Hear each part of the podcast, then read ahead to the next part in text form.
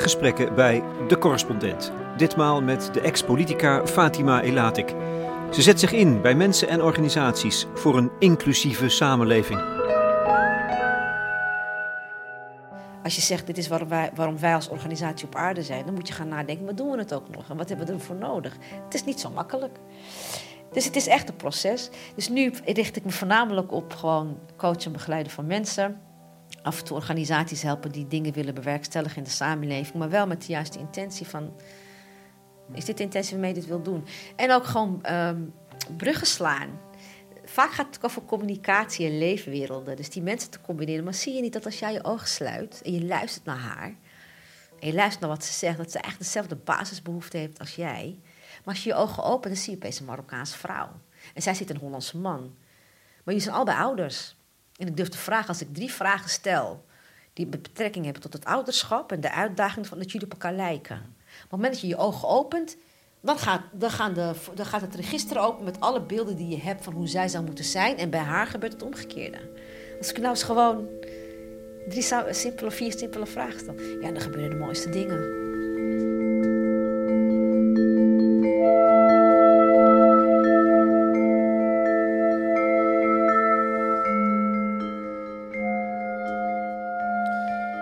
Fatima Elatik kwam op haar 24ste al in de gemeenteraad van Amsterdam. Ja, met een hoofddoek. Als eerste. Dus dat zorgde voor uh, grote commotie. Het is inmiddels 23 jaar geleden. Ze maakte razendsnel carrière in de gemeentepolitiek, werd wethouder en voorzitter van het stadsdeel Zeeburg, later Oost. Maar na 16 jaar was het genoeg. Ze stapte eruit en begon op haar 40ste een tweede leven als coach met een scherp oog voor inclusiviteit. Hoe dan ook, ze heeft iets van een raspolitica. En het is een week na de verkiezingen, waarbij Kautar Bouchalik voor GroenLinks werd gekozen in de Tweede Kamer. Eerste vrouw met een hoofddoek. Grote verliezer, het klimaat. Hoe kijkt Fatima terug op deze verkiezingen? Ja, ik moet je zeggen dat dit de eerste verkiezingen zijn waarbij ik niet zo heel erg uh, betrokken of zwaar geraakt ben door wat het is. Dus dat, dat is alleen maar een gezonde ontwikkeling. Dat betekent dat ik steeds meer afstand neem van mijn vorige leven. Ja, is gezond voor jou persoonlijk. Ja, voor mij persoonlijk heel erg, want ik kon me vroeger wel heel erg opwinden. Uh, maar nu ik redelijk van, ja, ik ben alweer zeven jaar weg uit de actieve politiek, van een afstand kijk, dan vind ik het ook wel logisch dat we deze uitkomsten hebben. Kijk, ik had verwacht toen aan het begin van corona tijd, zeg maar, vorig jaar rond april, maart, april, had ik gedacht, zou de wereld nou wakker zijn geworden? Ik had verwacht dat het een soort awakening zou worden van wat zijn we nou aan het doen op deze aardkloot? Uh, en wat doen we onze natuur aan? Kijk, ik, ik geloof heel erg, ik geloof niet in uh, straf van God en zo, wat religieuze mensen heel vaak denken als zoiets overkomt. want ik geloof niet dat God een, een naar ventje is. Uh, maar het is wel een straf voor onszelf. Dit hebben we zelf veroorzaakt, vind ik. De manier waarop we de natuur uithollen, de wereld uithollen, uh, hoe we omgaan met elkaar. Het was uh, een kwestie van tijd voordat de natuur terug zou slaan. Want zo zie ik dat. Het is een actie-reactie. En ik had verwacht dat we dan. In het begin zag je een aantal discussies opkomen bij politieke partijen. Vooral linkse partijen begonnen over: ja, maar we moeten van pas op de plaats het steeds meer, meer, meer willen. Vijf keer per jaar de wereld over moeten gaan op vakantie, want het hoort erbij. Ik moet een keer naar de Malediven en ik moet naar Dubai en ik moet, ik moet, ik moet. Daar werden we opeens teruggeduwd van ja, het hoeft eigenlijk helemaal niet. En, um, en daar had ik echt, dat vond ik echt heel hoopvol. Er was een soort uh, uh, weerschaffendas uh, sfeer de eerste maanden. En toen kwam die toeslagenaffaire, toen kwam de aanloop natuurlijk na de zomervakantie, dan begint de voorbereiding op de verkiezingen. En toen sloeg het precies de andere kant op. We hadden het in het begin over nieuwe economie. Hoe worden we duurzamer? Helemaal losgelaten. Ja, dat vind ik wel heel erg jammer. Die, die lijn is niet vastgehouden. Terwijl ik dacht, als je zegt dat je mensen een wenkend perspectief kunt bieden, zou dit wel een wenkend perspectief zijn geweest. Van jongens, zo kunnen we niet meer met elkaar omgaan. Deze pandemie is maar het begin van many, many pandemie die eraan gaan komen als we op deze tour doorgaan. En dat verhaal is totaal weggeëpt. Hmm. Dus het ging over symptoombestrijding. En het ging niet over oorzaakbepaling. Dat vond ik heel jammer. Je zit hier uh, op een wonderbare plek, in een uithoek van Amsterdam. Ja. Ik fietste vanaf de Bijl hier naartoe, richting Amstelstation. Bedrijventerrein. En daar heb jij een soort enclave uh, weten te, te organiseren, De Muis. Ja. voor creatievelingen, maar ook voor opvang van vluchtelingen. Ben jij in hart en nieren een Amsterdamse? Ja, absoluut. Ja, ik kan het niet anders benoemen. Als ik in het buitenland ben, of ik ben op reis, of ik ben op vakantie, dan uh, vind ik het hartstikke leuk. Zelfs als ik in Marokko ben, uh, in het dorp waar mijn vader ligt begraven, heb ik het echt naar mijn zin. En eigenlijk na vier weken, dan begint het te jeuken. Dit is toch thuis. En dat heb ik ook als ik in Nederland ben, als ik bij mijn schoonfamilie in Leiden ben, vind ik het allemaal heel gezellig en leuk. Maar Amsterdam is toch echt thuis. En hier maak jij op een plek die eigenlijk onheimisch is, ook een soort thuis weer. Ja, ik, ik geloof heel erg in, in de niche mooie dingen doen. En uh, kijk, als je zo lang in de politiek hebt gezeten als ik, dan heb je meegedaan aan grootse dingen, grootse mensen, mooie dingen. Maar ik vind daar waar mensen elkaar ontmoeten, daar waar de ontmoeting plaats kan vinden, van mensen van allerlei pluimage, daar gebeuren magische dingen. Daar gebeurt energetisch iets moois. En uh, dat heeft me altijd aangetrokken. En wat, hoe, hoe, hoe zie je dat hier concreet om je heen? Nou, er komen hier allerlei mensen van, van vluchtelingen, van statushouders, van onder, jonge ondernemers die net een beetje beginnen te ondernemen en iets willen, in, en iets willen starten. Een keuken, een, uh, een sport of een, of een personal trainers uh, klus. En die, die komen hier bij elkaar en er, komt, er staat een soort kruisbestuiving. Uh, en het is heel mooi om te zien. En vooral omdat het vaak jonge, enthousiaste mensen zijn die zichzelf koppelen aan wat oudere, ervaren mensen. Er zit hier in de hal iemand die uh, een ambacht heeft, die, die repareert meubels. En dan zie je soms wat voor mensen er binnenkomen om hun meubels te brengen, om op te knappen. En die crossmix, als ik hier wel eens een dagje zit aan de voorkant koffie te drinken, dan zie ik gewoon heel Nederland hier binnenkomen. Dat is mijn, mijn ideaal van Nederland, is de, de veelzijdigheid en de veelkleurigheid van, van wat onze kracht is.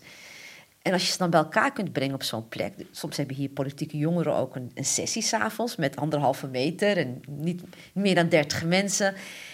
En dan, dan voel je, en als je dan luistert naar wat, hoe ze met elkaar discussiëren over wat hen raakt, wat hen beweegt, dan denk ik: wauw, dit, dit is de nieuwe generatie leiders. Die komen hier en die ontmoeten hier mensen die ze misschien in hun eigen directe leefomgeving niet 1, 2, 3 zullen ontmoeten.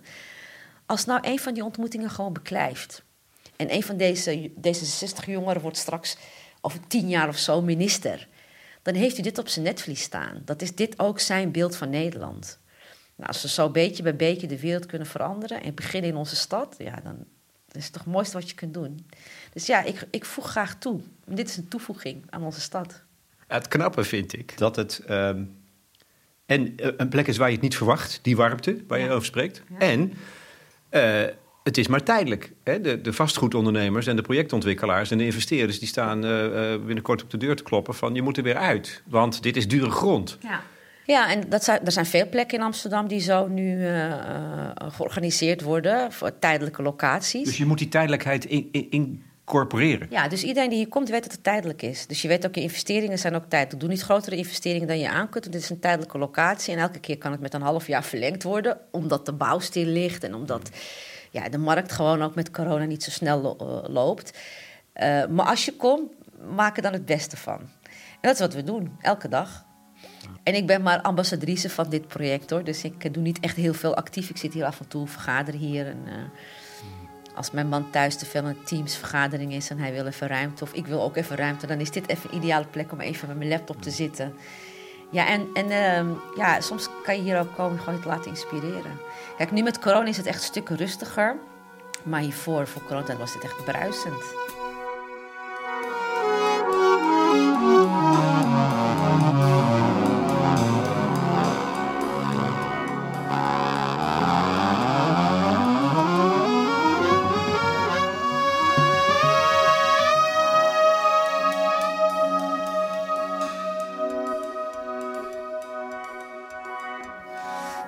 Je bent, ben je door en door Amsterdamse? Ja, volmondig. Mag je ook Amsterdamse zijn? Dat vind ik wel een hele goede vraag. Tot aan mijn achttiende of zo had ik altijd gedacht dat ik een normaal Amsterdamse meisje was... wat in de rivierenbuurt was opgegroeid. Totdat ik mijn eerste stappen in de systeemwereld uh, zette. Systeemwereld? Nou ja, de, de, officiële wereld, weet je. De hogeschool, de universiteiten, de maatschappelijke discussies. En toen realiseerde ik me dat mensen toch anders kijken naar mij... En dat was wel is, er een moment, is er een moment dat het, dat, dat, dat, dat, besef... De op de hogeschool? Hè? Ja, op de hogeschool. Dat, dat, mensen toch gingen kijken van... hé, hey, wacht eens even. En ik liep daar met mijn beste vriendinnetje, Fatima. En er waren twee meisjes die binnenkwamen met hoofddoekjes... en die gingen daar studeren. En uh, je, je, de, heel veel vragen van wie zijn wij... Uh, een docent die uh, een vak gaf talenstudievaardigheden, die vroeg of ik, niet een extra, of ik misschien een extra cursus Nederlands nodig had. En ik keek hem echt aan en denk, hè, waar heeft die man het over, man? Ik heb gewoon een 8,5 op mijn HAVO-diploma, ik weet niet. Dus het was voor mij heel raar. En ik weet nog dat ik thuis kwam, dat ik tegen mijn vader zei... papa, ik heb zoiets raars meegemaakt. Zei mijn vader, oh, lieve schat. Ja, natuurlijk. We hebben je natuurlijk altijd opgevoed dat jij het centrum van de wereld bent in ons leven. En dat je alles kan wat, wat je maar wil. En dat je gewoon dat Beppie het buurmeisje bent. Maar ja, niet iedereen zal zo naar je kijken. Dus dat was mijn eerste confrontatie met... oh, mensen vinden het bijzonder wat je doet. Waar ik vond het heel normaal gewoon ik ging studeren. Maar het was een schok, neem ik aan. Want de vanzelfsprekendheid viel opeens weg. Ja, de onbevangenheid was weg en de vanzelfsprekendheid viel weg. En het tweede moment dat ik het meemaakte... was toen ik in, uh, uiteindelijk vijf, vijf jaar later in de politiek... nee, wat is het, acht jaar later in de politiek terechtkwam... toen ik gekozen werd in de gemeenteraad van Amsterdam de massale persaandacht voor mij en Amma Assantes, mijn collega van Ghanese afkomst, dat vonden we echt flabbergasting gewoon. Van, hè? Weet je, dus er worden 45 raadsleden uh, geïnstalleerd en wij staan op de foto voorpagina van Parool. Een meisje met een hoofddoekje en een Afrikaans meisje. Als ik terugredeneer, denk ik, ja, het is logisch dat men zo kijkt. Want ja, wij waren de eerste meiden van de tweede generatie die gekozen werden in een officiële positie. Maar nog steeds in mijn hoofd dacht ik, ja, kijk, ik kom heen, ja, maar ik ben de norm hier. en ik zat in een fractie met 15 mensen, waarvan ik waarschijnlijk de enige was die geboren en getogen was in Amsterdam. Toen ben ik gaan kijken naar die concepten van labels en hokjes. Dus volgens de statistieken was ik de allochtoon, want dat was de nieuwe term toen. En zij waren de autochtonen. Terwijl ik weet, als ik ze vraag naar een adres in Amsterdam-West, weet ze het niet te vinden. En dan denk ik, dit is dus hoe labels werken. En ik denk dat dat wel een beetje de mijn awakening was. Zo van, jij kan jezelf wel heel normaal vinden en wat je doet. Maar heel veel mensen zien dat niet zo. Maar door de blik van de ander word jij toch ontvreemd van jezelf? Als je niet oppast, word je heel erg ontvreemd van jezelf. En hoe heb je dat dan gedaan? Hoe, hoe, hoe ben je dan? Het een gevecht, snap je? Ik was ook niet de makkelijkste raadslid, zeg maar. Want ik, ik, ik heb gewoon, eh, als, ik, als ik nu terugkijk, en met de volwassen kennis die ik nu heb, uh, naar alle interviews met mij, dan lees ik altijd een soort gevecht. Weet je wel, ik, ging altijd, ik zei altijd van... Ja, nee, ik ben Amsterdamse en ik ben van Ajax en Hazes en patatje van de Veebo. dacht ik, waarom zeg je dat eigenlijk? Altijd een soort bevestiging zoeken of verantwoorden dat jij gewoon normaal bent. En ik weet nog, toen ik afscheid nam in de gemeente in 2002... want ik werd toen wethouder in Zeeburg... toen hield Job Cohen een speech... en die raakte me zo diep en die zei toen... Ik weet dat jij snakt naar het moment waarop het normaal is dat mensen zoals jij doen wat jij doet. En toen dacht ik, jij vat hem. Jij vat mijn gevecht. je uh, moet jezelf permanent verdedigen, denk ik. Hè? Verdedigen en uitleggen. En mijn, mijn, publieke identiteit is door de jaren heen ook uh, uh, doorontwikkeld. Dus voor 9-11 was ik gewoon het Amsterdamse Marokkaanse raadslid. Na 9-11 werd ik het islamitische of moslimraadslid en de vrouw met de hoofddoek. En dus en dus naarmate de politieke discours en de maatschappelijke discours veranderde, veranderde de, de realiteit van de identiteit die op mij geplakt werd. Dus dan, en als je jezelf uh, uh, niet in toom houdt, dan ga je daarop reageren. En ik, als ik nu terugkijk, zie ik heel vaak dat ik daarop heb gereageerd. Van ja, maar wacht eens even, dit gaat mij niet gebeuren. Je, gaat de aanval, je kiest de aanval of zo? Soms de aanval, je trapt in de val, want ik vind het de val. Hè. Dan word je aangesproken op je identiteit, dan ga je erin mee. Kijk, ik had ook een soort grote verantwoordelijkheidsgevoel. Van ja, maar kijk, ik kom uit de gelukkige omstandigheid dat ik gestimuleerd word door mijn familie en om gewoon alle kansen te grijpen die er zijn. Dus mijn, ik ben nooit tekort gedaan. Ik kom niet uit een orthodoxe gezin, dus ik mocht alles. Ik, ik heb ook geen. Mijn vrijheidsstrijd is niet een vrijheidsstrijd uit mijn cultuur of mijn gemeenschap. Mijn vrijheidsstrijd was een strijd in de Nederlandse samenleving, in het Nederlands systeem. Dus dan, dan heb, heb ik het gevoel, ja, maar ik ken ook heel veel vrouwen die heel hard moeten werken om die stappen naar buiten te zetten. Als ze deze bejegening tegenkomen, dan klappen ze dicht. En ik zag ook heel lang na mij, of in mijn periode, weinig vrouwen zoals ik die opstonden. Want ja, je, gaat drie keer nadenken voordat je dit doet, snap je? Nou, we hebben het nu gezien met Kouter, die kandidaat was voor GroenLinks, wat voor bagger zij over zich heen kreeg. Weet je, ook niet de benefit of de doubt of het voordeel van de twijfel. Nee, meteen labelen, framen in een hokje klaar. Ja, en Wilders twittert eergisteren, het is een zwarte dag. Ja. Dat zij gekozen is. Eigenlijk is, is eh, de vrijheid die je hebt om hier te zijn wie je bent alleen maar minder geworden. Ja, dat, dat, is, dat, dat, dat, lijkt me zo. Kijk, je kan ervoor vechten, je hebt ervoor gevochten. Ja. Maar je verliest terrein. Ja, tuurlijk verlies je terrein. Maar je verliest ook een deel van jezelf als je niet oppast. In de zin dat je, zeker toen ik in politiek actief was, zoals ik al zei, ik voelde een grote verantwoordelijkheid. Dus je bent continu bezig met wat je moet doen en wat, wat er moet gebeuren en wat je moet bewerkstelligen, maar je bent niet bezig met zijn. Je bent de hele dag bezig met worden en kunnen en laten zien en ik kan het. En weet je, ik doe niet onder aan de jongens, want ik werkte met mannen. Weet je, ik heb acht jaar in het dagelijks bestuur gezeten met drie witte mannen.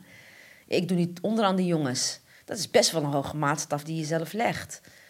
Ik, ik laat zien dat ik het kan, want ja, na mij moeten er nog meer mensen komen zoals ik. Het is eigenlijk, het is gewoon een rare strijd. Dus toen ik stopte met de politiek was ik echt back af. Back en back af.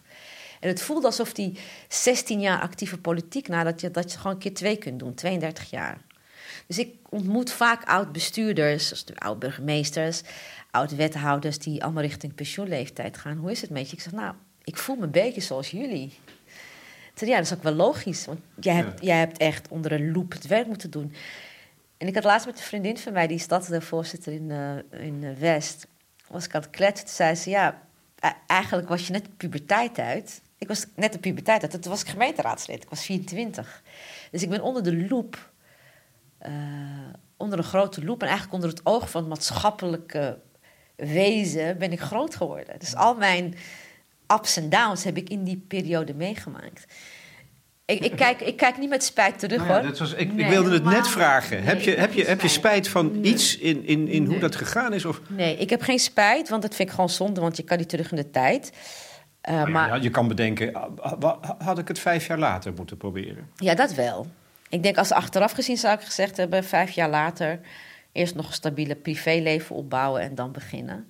Maar als ik terugkijk, als mensen me vragen wat heb je ervan geleerd, nou, en wat zou ik mensen adviseren, of wat zou ik de jonge Fatima adviseren, van meisje, meisje, rustig aan, het komt allemaal wel goed. Weet je, je, je mag ook zijn en je mag ook eh, aandacht hebben voor je privéleven. Je mag ook gewoon genieten van het leven. Je hoeft niet de wereld te redden. En die, die, die zware last op je, op je schouders, dat hebben linkse mensen vaker last van. Die kan je best wel loslaten. Maar wie neemt het dan op zijn schouders of haar schouders? Ja, dat was, dus, dat was toen dus altijd mijn redenering. En als ik het niet doe, wie dan wel? Er zijn niet zoveel mensen zoals ik. Ja, maar da- daarmee loop je weg van je eigen leven. En dat is niet goed.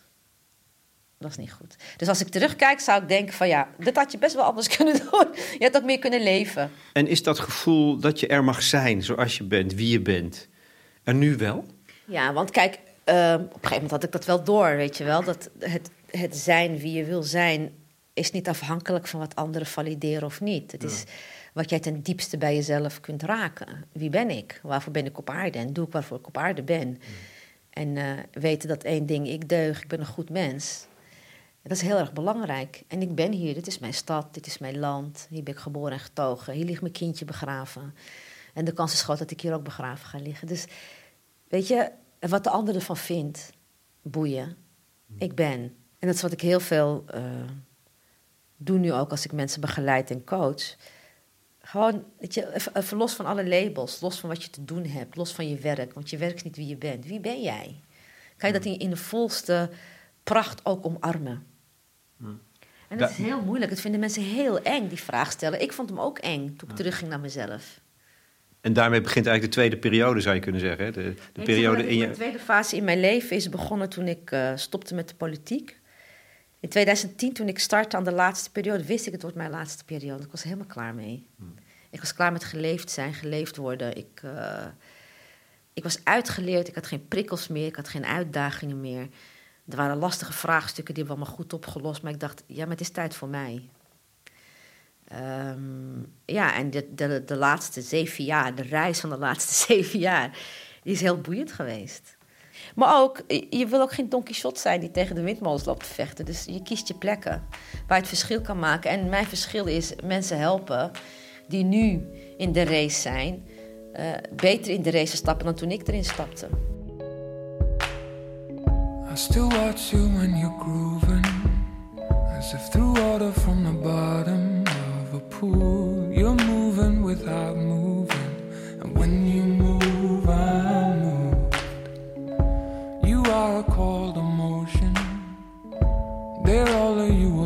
been perfect view, like Jonah on the ocean.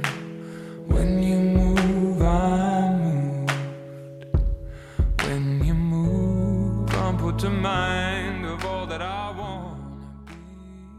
Over het kiezen van een plek gesproken. Een jaar nadat ze gestopt was als gemeentepoliticus, ging Fatima Elatik werken bij de politie in 2015. Met als doel te bouwen aan een inclusieve organisatie.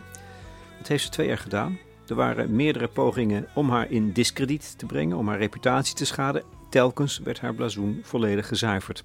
Wie werkt aan diversiteit roept weerstand op, dat is duidelijk. Overigens, en dat is belangrijk, er is een verschil in haar ogen tussen diversiteit en inclusiviteit. Ja, vind ik heel erg. Nou, laat ik zo zeggen, diversiteit en inclusie, dat zijn nu de modebegrippen.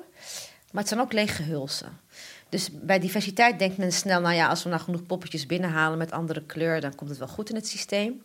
We hebben het aan het quotum voldaan. Ja, we hebben het quotum gedaan. Kijk, we hebben blik, we trekken een blik Turken, Marokkanen, Surinamers, uh, homo's, lesbiennes, uh, joden, noem maar op. Alle veelkleurigheid van de stad hebben ze binnen en dan is het prima. Maar dan gaan we over tot de orde van de dag, want we werken toch op dezelfde manier, maar op wel tijd werken. Maar bij zo'n organisatie als de politie moet je natuurlijk gaan kijken naar die veranderende samenleving. Dus je kan niet alleen maar hebben over mensen binnenhalen, je moet ook kijken naar methodes, werkwijze, inzichten, kennis, taal noem maar op. Dus het hele aspect van uh, vraag en aanbod, dus wat is de vraag op straat en hoe reageren we erop, is net zo van belang. Het gaat ook over het vakmanschap. Hoe communiceer ik in, hoe je communiceert met bewoners, bijvoorbeeld in het betondorp in Oost of in, laat ik zeggen, in, uh, in Noord, in de Molenwijk, is iets anders dan hoe je in uh, Slotervaart over Tomsveld communiceert. De middelen die je inzet kunnen misschien anders zijn. Dus heel erg gericht uh, op de vraag in het gebied.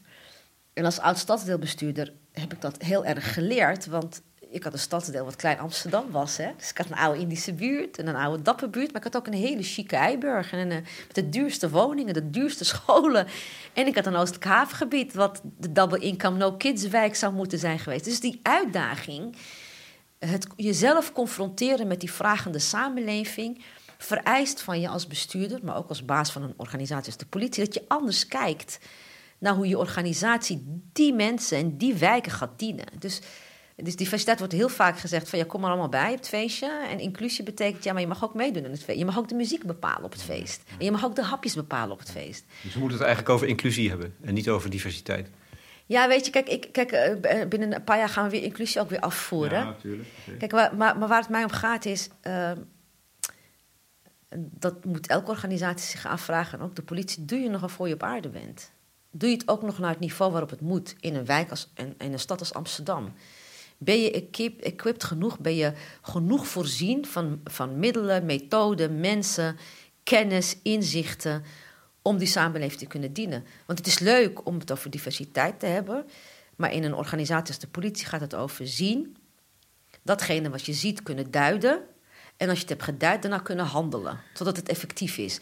En dat is, zegt, het is meer dan alleen maar poppetjes in huis hebben. Ja, en, en, dat zien, ja, dat Acteren. is. Ja, nee, maar dat is zo. Kijk, net als luisteren. Hè, dat, dat, dat, is dan weer mijn vak. Uh, goed luisteren, dat is ook nog niet zo eenvoudig. En zien, goed zien, is ook niet zo eenvoudig. Want er zitten dan ondertussen allerlei dingen al die je part spelen. Dus hoe heb jij voorgesteld bij de politie om dat, om dat aan te pakken? We hadden een programma gemaakt en dat programma heet De Politie van Iedereen. We wilden graag dat iedereen in de samenleving het gevoel heeft... deze politie is ook van mij. Niet voor mij, maar van mij. Dus ik ben ook mede-eigenaar. Uh, dat hebben ze nu veranderd naar voor mij. Ik moet vooral zelf weten. Ik vond het niet zo verstandig. Ik het van mij, als iets van mij is, dan ga ik ervoor zorgen. Als het voor mij is, dan kan ik kiezen om het wel of niet aan te nemen. Want het is een een keuze, een shopverhaal. Maar anyways, daar hebben de wijze heren en dames nu voor gekozen. Het idee van het programma was dat we beginnen in de uitvoering. Het is allemaal leuk van top-down te beginnen, maar we gaan eens in de uitvoering voor de jongens en de meisjes, de mannen en de vrouwen die elke dag op straat in die wijk lopen. Wat zien ze nou? Vaak zagen we dat de dienders op straat meer zagen, echt zagen, dan bijvoorbeeld de basis zagen of konden snappen. Dus we hebben het omgekeerd. We beginnen onderin. En we hadden het programma opgebouwd langs vijf lijnen. En een van de eerste lijnen is teamontwikkeling. Het ontwikkelen van de teams in de wijken die moeten opereren. Zorgen dat ze op dezelfde manier kijken.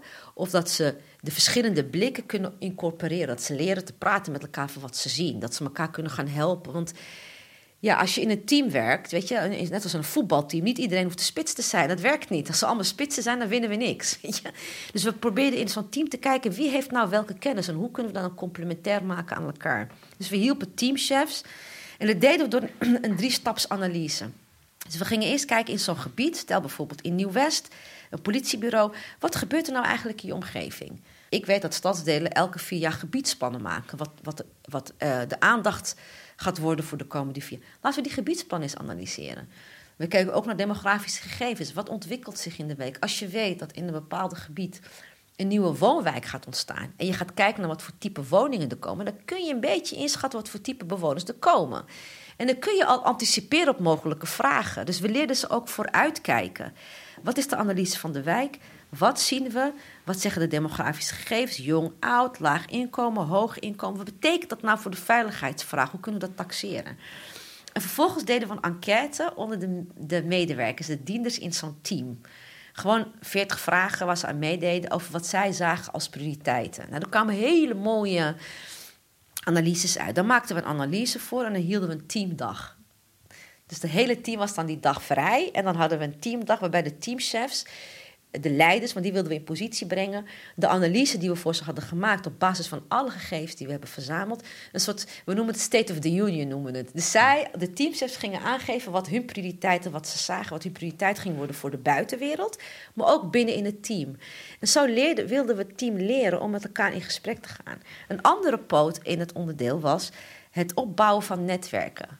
Dus waarom moeten we Turken inzetten voor Turken en Marokkanen voor Marokkanen? Waarom zou jij niet een goed gesprek kunnen voeren met een Marokkaanse buurman? En waarom zou ik als Marokkaanse Amsterdamse jou niet meenemen als Hollandse Amsterdammer naar mijn netwerk? Want van mij wordt verwacht, als vrouw van kleur, dat ik iedereen die naar me toe komt, kan bedienen. Maar waarom mag ik dat niet van jou verwachten? Moet ik voor jou toch ook verwachten? Nou, dan moet ik je helpen als je bepaalde dingen niet makkelijk vindt of bepaalde kennis ontbeer je, dan moeten we elkaar gaan helpen. Dus we zorgden heel erg voor kruisbestuiving. En heb ook nou eens het moeilijke gesprek met elkaar. Want het is, en, dat, en, en, we hebben heel veel kritiek op politiemensen, maar het politiewerk is echt niet makkelijk. Als je ziet wat die mensen elke dag naar hun hoofd geslingerd krijgen. Even keer de opmerking en ze worden weggezet als racisten, was ze dat helemaal niet bedoelen. En soms hebben ze ook, pff, maken ze negen van de tien keer nare dingen mee. Dus we hebben ook teams geadviseerd en teamchefs, je moet ook een soort afkoelmoment hebben. Er moet een moment zijn waar je debrieft en niet alleen maar over uh, hoeveel boeven er zijn gepakt en welke is. Maar ook even hoe, hoe, ga je de dag uit? Weet je, inchecken en uitchecken. Geef mensen even het gevoel dat ze even kunnen. mag ik het even zeggen? Het is totaal genuanceerd, maar ik wil het even zeggen. Ja. Het, het, lijkt bijna alsof je uh, uh, sommig gedrag bagatelliseert. er zijn nogal incidenten geweest ja. waarbij laten we op zijn minst zeggen, racistische uitspraken zijn gedaan. Maar ik bagatelliseer echt helemaal niks hoor. Nee, die, nee, maar, nee, maar, die gedraging die pak ik ook heel hard aan. Maar je kan niet. Kijk, als jij. Als niemand jou sanctioneert, zijn met kinderen, hè? Dus een kindje wat steeds snoep uit de snoeppot pakt stiekem. Als papa en mama niet een keer zeggen, nu is het klaar met die snoeppot. Dat mag niet meer, je mag er eentje per dag nemen, dan is het klaar. Als je nooit sanctioneert en je, legt, je begrenst niet, dan gaat dat uit de hand lopen, dat gedrag. Dus wat wij uh, wat wij uh, beoogden met het programma is die leiders in die teams bewust te maken wat hun mensen elke dag meemaken en ze alternatieven bieden. Etnisch profileren, dat gebeurt ons allemaal. Dus om het alleen maar te denken dat alleen agenten het deden. En ik vaak, als wij zo'n discussie starten, dan zie je dat mensen het heel eng vonden. Dat begon ik met mezelf als voorbeeld. Ja, toen ik stadsdeelvoorzitter was, was een van mijn taken openbare orde en veiligheid. En ik was heel erg bezig met criminaliteitsaanpak. En in Oost betekent het Marokkaanse jongetjes. Ik en ik betrapte mezelf, zelf Marokkaanse vrouw, die in een golfje 4 reed destijds. Dat als ik op straat liep en ik zag een jongetje van 19 in een golfje 4, dat ik dacht, hè, hoe kan die gast het nou betalen? Weet je, ik kan het net amper betalen. Dus ik betrapte mezelf dat ik volk wat op mij leek, op die manier ging positioneren. En als ik later door ging vragen of ik had een gesprek met Jong, bleek het auto van zijn moeder te zijn die die had geleend om iets te doen. En daarmee wilde ik zeggen: niemand van ons is uh, bevoorrecht met geen vooroordelen hebben. Alleen je moet je er bewust van zijn. En als jij 9 van de 10 keer op een dag alleen te maken hebt met de duistere kant van de samenleving, dan, dan krijg je beroepsdeformatie.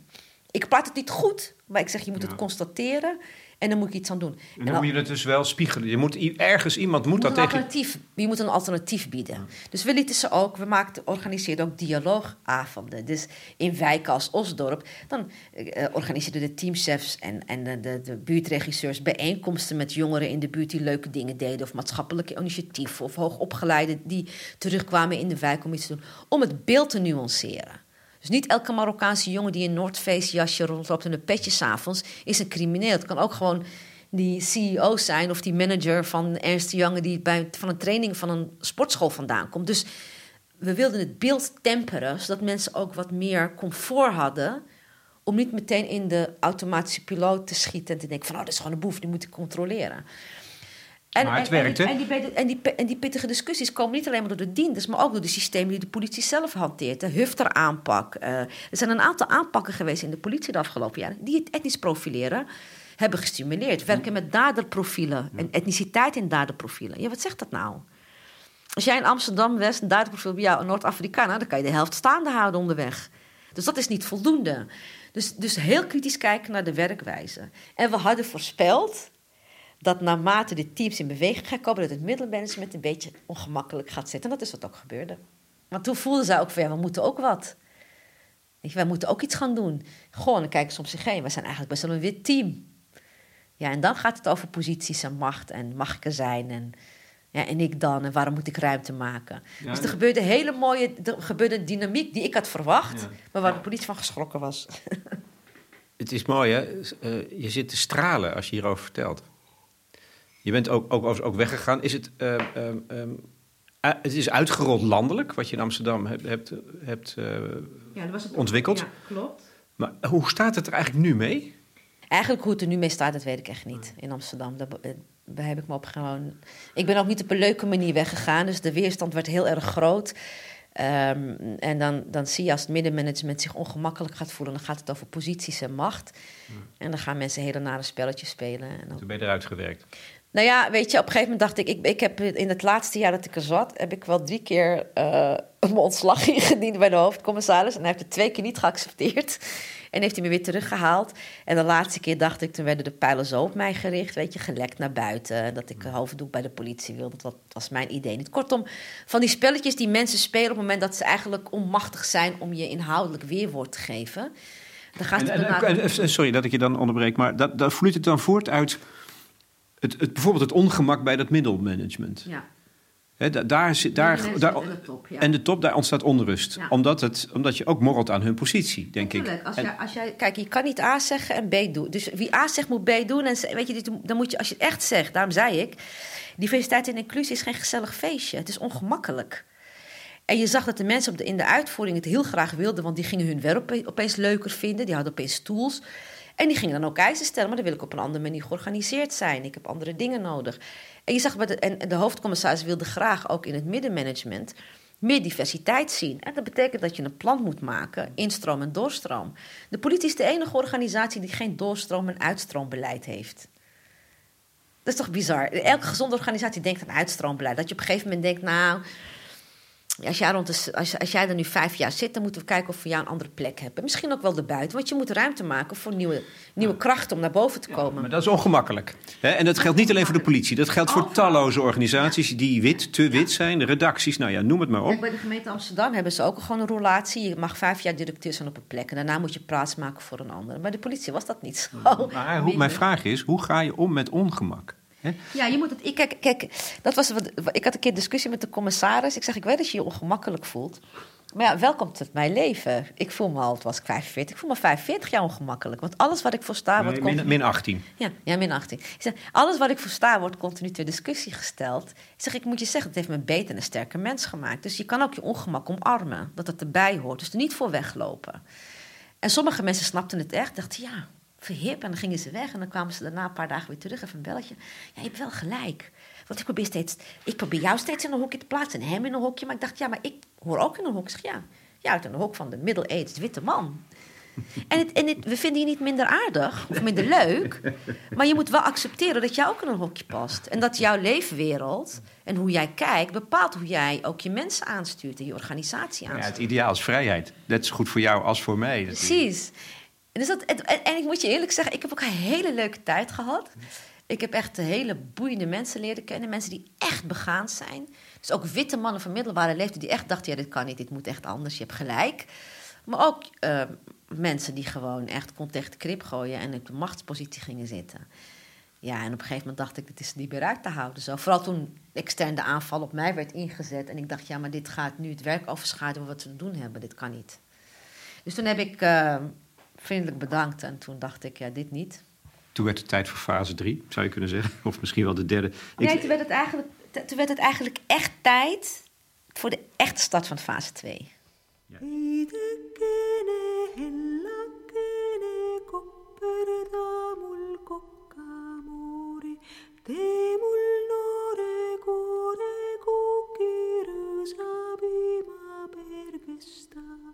see viib kurgust kuuseokkad, kaelast viib ka takkamarjad, rinnust viib tema risitangu.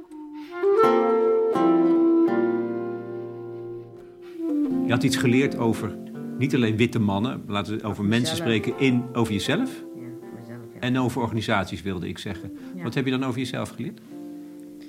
Kijk, als, als je zoiets meemaakt en je gaat weg bij een organisatie die je met hart en ziel eh, graag verder wilde helpen. En eh, eigenlijk zeggen ze gewoon, we wil je hulp niet. Daar komt het eigenlijk op neer.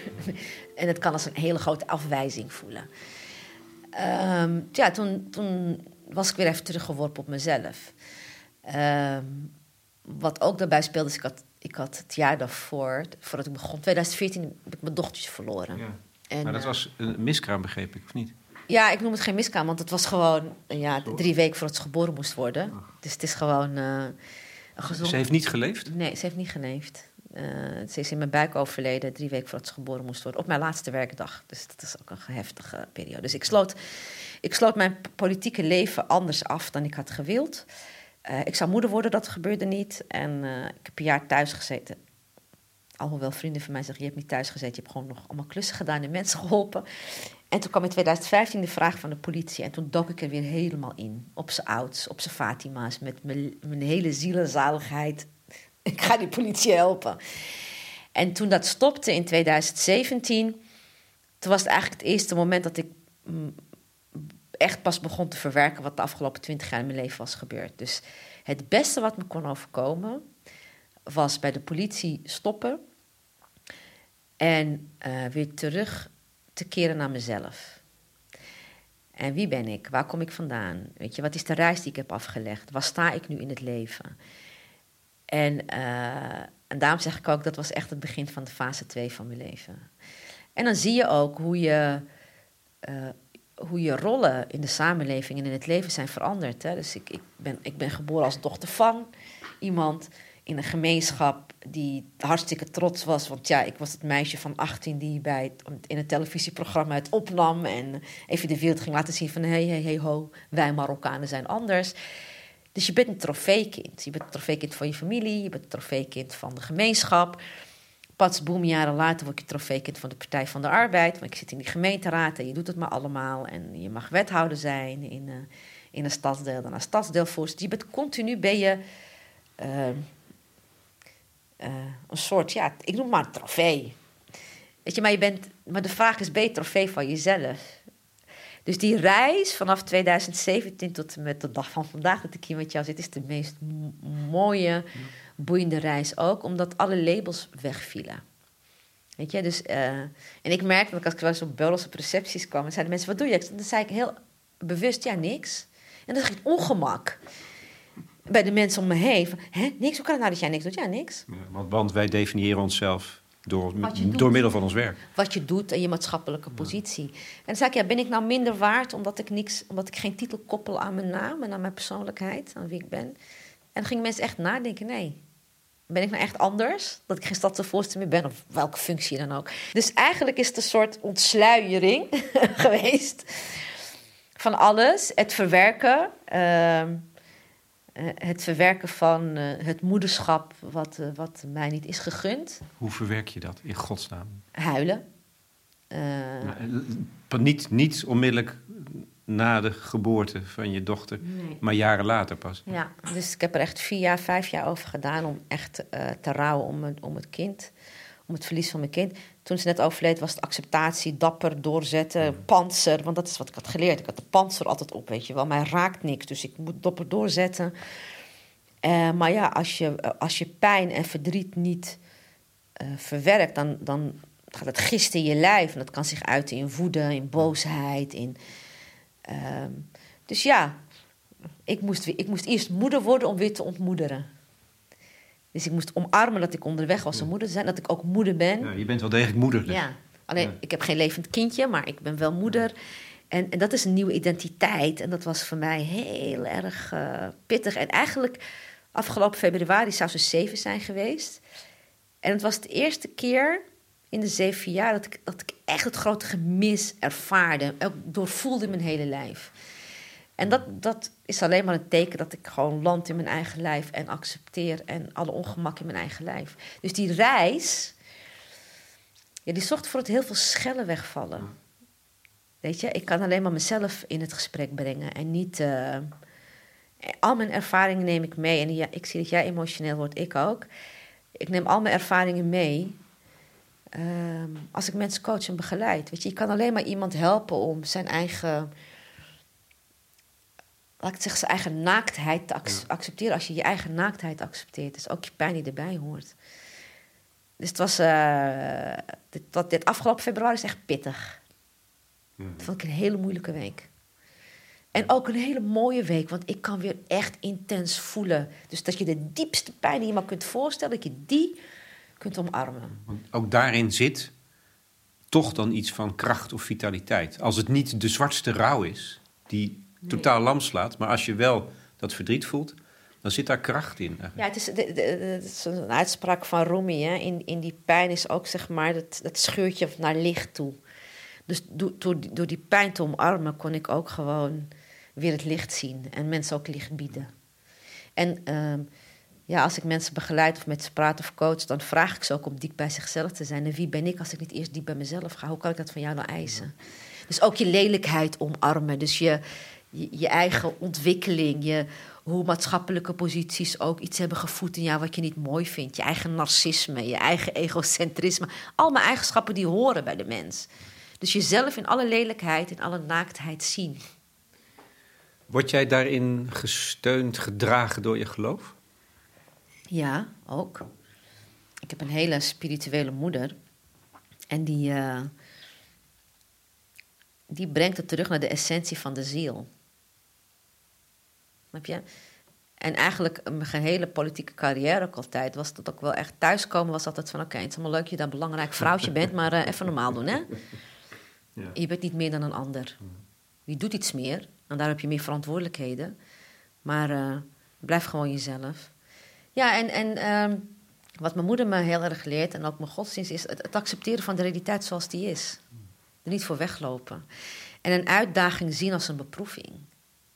Maar ook weten dat jij de sleutels hebt voor verandering. Dus het is een, een mooie vers in de Koran die mij heel erg inspireert. En die zegt: God zal het lot van het volk niet veranderen als het volk niet zelf in beweging komt. En daar, dat vind ik een hele mooie, want het gaat niet uit van de fatalis- fatalistische kijk van mensen die denken: ja, maar God bepaalt alles. Nee, nee, nee, God schept de omstandigheden en die geeft je middelen om je keuzes te maken. En je keuzes zijn voor jou. Want het is alles behalve fatalistisch. Ja, dus wat, wat, wat, die wat, wat ook iets in zit, Ja. volgens mij, in het, in het eh, geloof van de islam, ook iets van het accepteren. Ja. Hè, van alles accepteren. Dat lijkt vaak op fatalisme. Nee, helemaal niet. Accepteren betekent gronden, erkennen en vanaf hier denken: oké, en nu verder. Weet je? Dus je vechten tegen datgene wat is, dat is wat ons ongemakkelijk maakt. Vechten tegen het feit dat je kind dood is, dat is wat je ongemakkelijk maakt, wat de pijn alleen maar nog langer laat. Maar op het moment dat je het begint te accepteren, dan is het er gewoon. En dan kan je alles doorvoelen in je lijf en je kan je niet fijn voelen. En je kan lekker een paar dagen onder je dekbed liggen en zeggen: Ik laat de wereld de wereld. En na vier dagen sta je op en dan heb je weer de kracht. En dat ja, je moet toch verder. En acceptatie, en dat doen we ook, zeg ik ook vaak tegen mensen die ik begeleid of in bedrijven waar ik kom. Begin nou te accepteren wat de realiteit is. Als we het met z'n allen accepteren, is dat het begin van de heling. Markeer het. Ja, het is vervelend wat er is gebeurd. Ik wou dat het anders was geweest, maar het is heel naar. En ik erken het, ik herken je pijn. Dit hebben we niet goed gedaan. Dit moeten we met z'n allen beter doen. En van dan begint de ontwikkeling. En- En, ik zie het bij mezelf, ik zie het bij mensen die ik begeleid. Dat op het moment dat ze hun pijn omarmen, en hun verdriet en hun boosheid, maakt niet uit in welke fase in hun leven het is gebeurd, dat is meestal de opening tot: oké, en nu? Maar kan dit, Fatima, ehm, ook, want dat is volgens mij het werk wat je nu doet bij allerlei organisaties en bedrijven, ook eh, semi-publieke of publieke eh, organisaties. Ehm, dit proces wat jij nu door bent eh, gegaan, dat is pas gekomen nadat je er buiten was gestaan. Ja.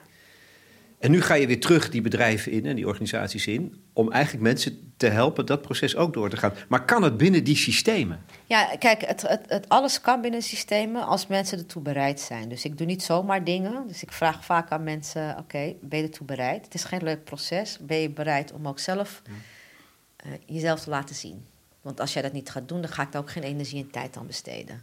Weet, als jij mensen gaat vragen om alles waar ze voor staan los te laten opnieuw te gaan definiëren, moet jij ermee beginnen. Dus het begint bij die leiders die op een andere manier gaan kijken en duidelijk zijn in wat ze willen. Ja, en ik, ik, ik vertel gewoon open en eerlijk mijn eigen verhaal. De klappen, de dreunen. Ik zeg altijd, ja, de kosmos geeft je steeds tikjes... in de hoop dat je wakker wordt. En als die tikjes niet aankomen, dan komt er een keer een dreun. En dan moet je die gewoon accepteren. En dan ga je in het hoekje zitten. En dan ga je een beetje... Ja, eh, Eerst word je boos, de hele wereld is verkeerd. Ja, en ehm, wat denken ze wel niet? Oh. En dan word je wakker, oké, nou, ik heb iedereen nu dreun uitgedeeld. Virtueel of weet ik veel, gewoon woordelijk, verbaal. Maar schiet ik daarna iets mee op? Nee, ik moet toch weer naar binnen toe bij mezelf. Ja, maar dat gaat dus om mensen die een, een, een positie innemen in een hiërarchische organisatie, verantwoordelijkheid dragen, soms grote verantwoordelijkheden dragen. En jij vraagt ze eigenlijk om daar eh, de vraag te stellen: Nee, mij- wie ben ik? Ja, nee, maar kijk, als ze mij bellen en ze zeggen ik wil graag met je praten, ja leuk, maar ik, ik, eh, ik werk alleen met grote bazen. En dan stel ik ook de vraag, ben je bereid aan je mensen te laten zien wie jij bent? En weet je zelf wie je bent? Wie ben je, waarvoor ben je op aarde en doe je waarvoor je op aarde bent? Kan je dat uitleggen aan je mensen? Maar dat kunnen ze niet. Is dat je ervaring? V- Vaak niet. Sommigen wel. En sommigen vaak niet, maar wel open voor... oké, dan wil ik graag dat je met mij dat gesprek aangaat. Eigenlijk het gesprek zoals jij en ik hebben. En soms komt er iets uit, zeg maar, van de opdracht... maar soms ook niet, maar ook goed. Maar ik geloof alleen maar dat we onze instituties en onze samenleving kunnen helen... als we op deze manier met elkaar omgaan. When you move, honey, I'm putting on something so flawed and free.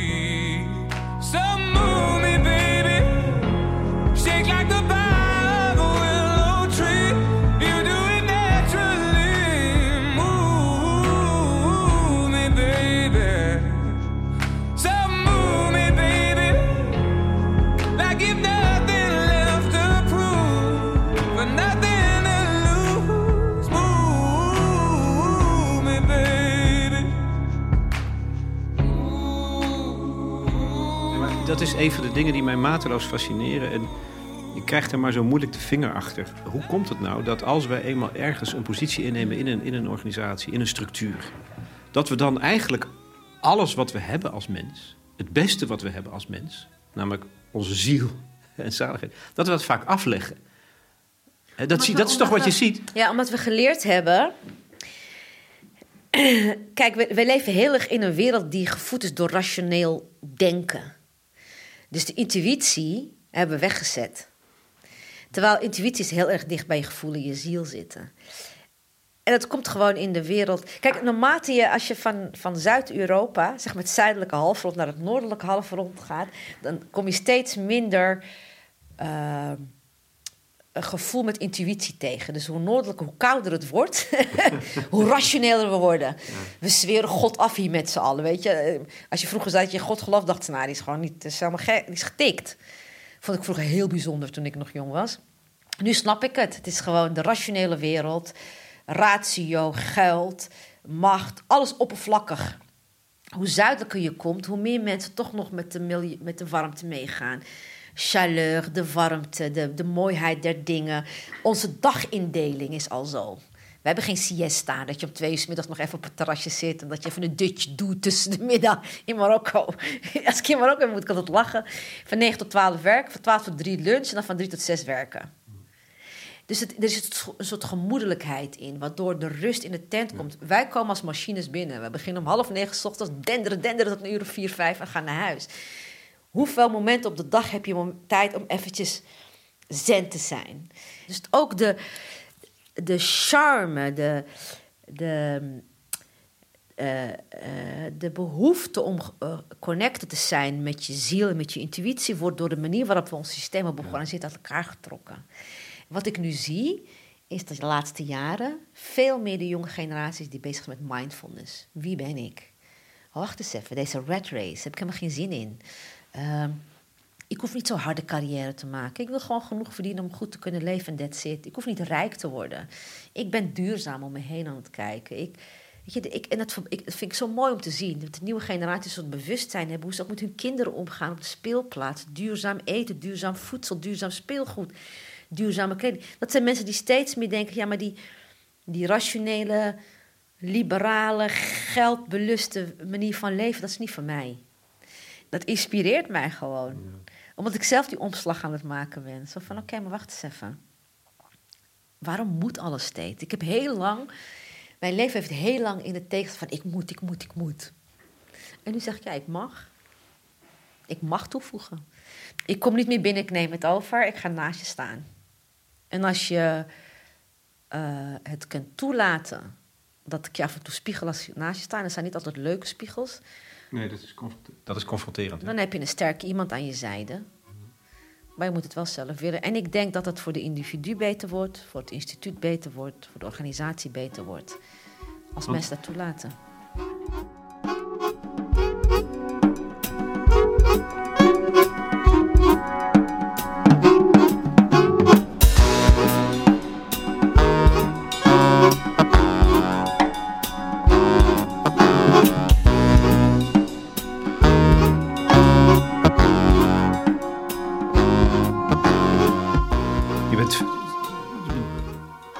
Naar vrijheid, zo klinkt het. Hè? Nadat ooit die vanzelfsprekendheid wegviel toen je 18 was. Lange weg, nu op weg naar vrijheid, stel ik mij voor. Toch leef je ook nog in een vijandige wereld. In, een, in een wereld die door en door racistisch is, bijvoorbeeld. En alleen maar racistischer lijkt te worden. Of in ieder geval, het komt naar buiten, openlijker. Heb je daar ook iets van? Van ja, ik moet dat gewoon maar laten, laten Hoe meer het naar buiten komt, hoe beter. Kijk, ehm,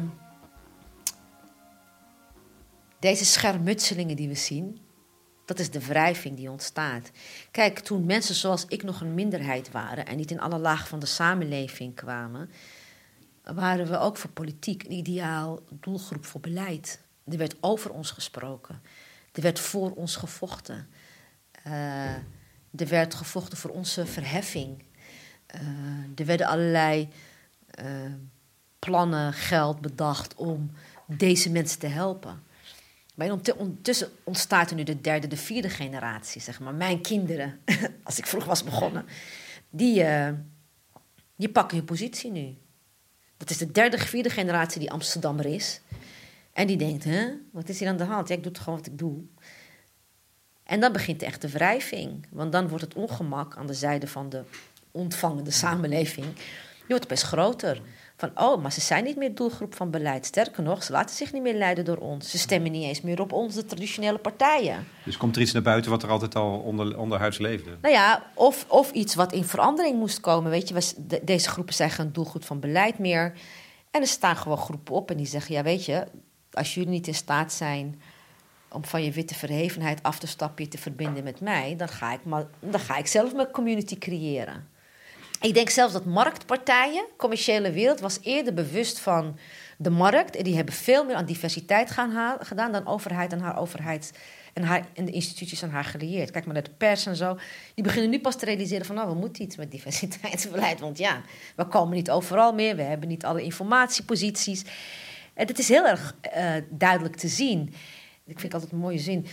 Ik acht mezelf ongeschikt voor verdere misbruik of trofeeën of tokenisme. Ik ben wie ik ben. En je komt maar van je verheven toren af. En je komt maar met mij verbinding zoeken als je het normaal vindt. Want ik ben die burger. Dus, dus, en dat gaat een paar jaar, denk ik, deze ongemakken versterken. Maar ja, zonder wrijving geen glans. Ik denk dat we nu pas het echte gesprek gaan voeren.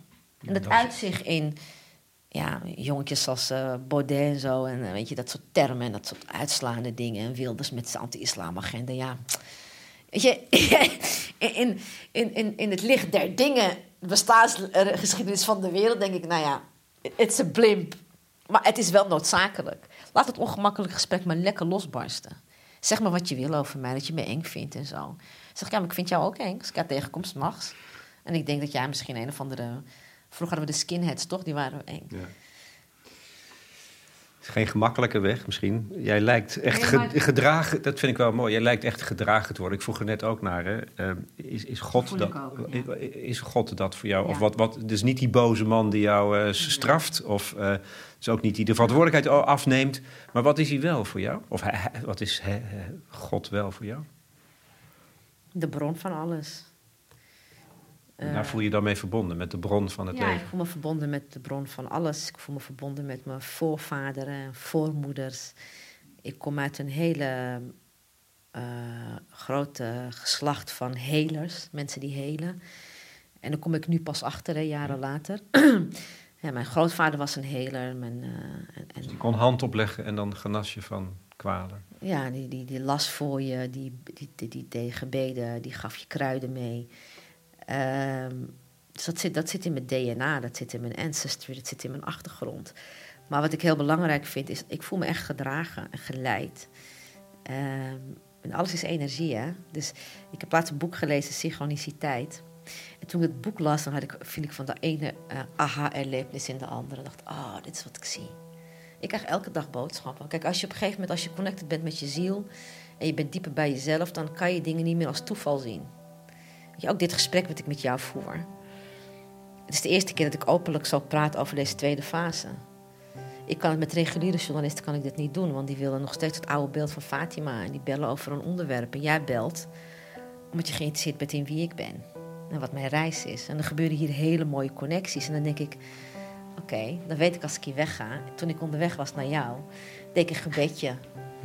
Van ja, weet je, God laat het mooie gesprek eh, plaatsvinden. En laat mij oprecht en eerlijk zijn. Eh, en ik hoop dat mijn gesprekspartner eh daar open voor staat. En er gebeuren hier hele mooie dingen tussen ons. Dus ik weet dat ik na afloop van dit gesprek God ga danken, dankjewel. Dit was weer zo'n synchroon momentje wat ik nodig had. Dankjewel. Jij bedankt.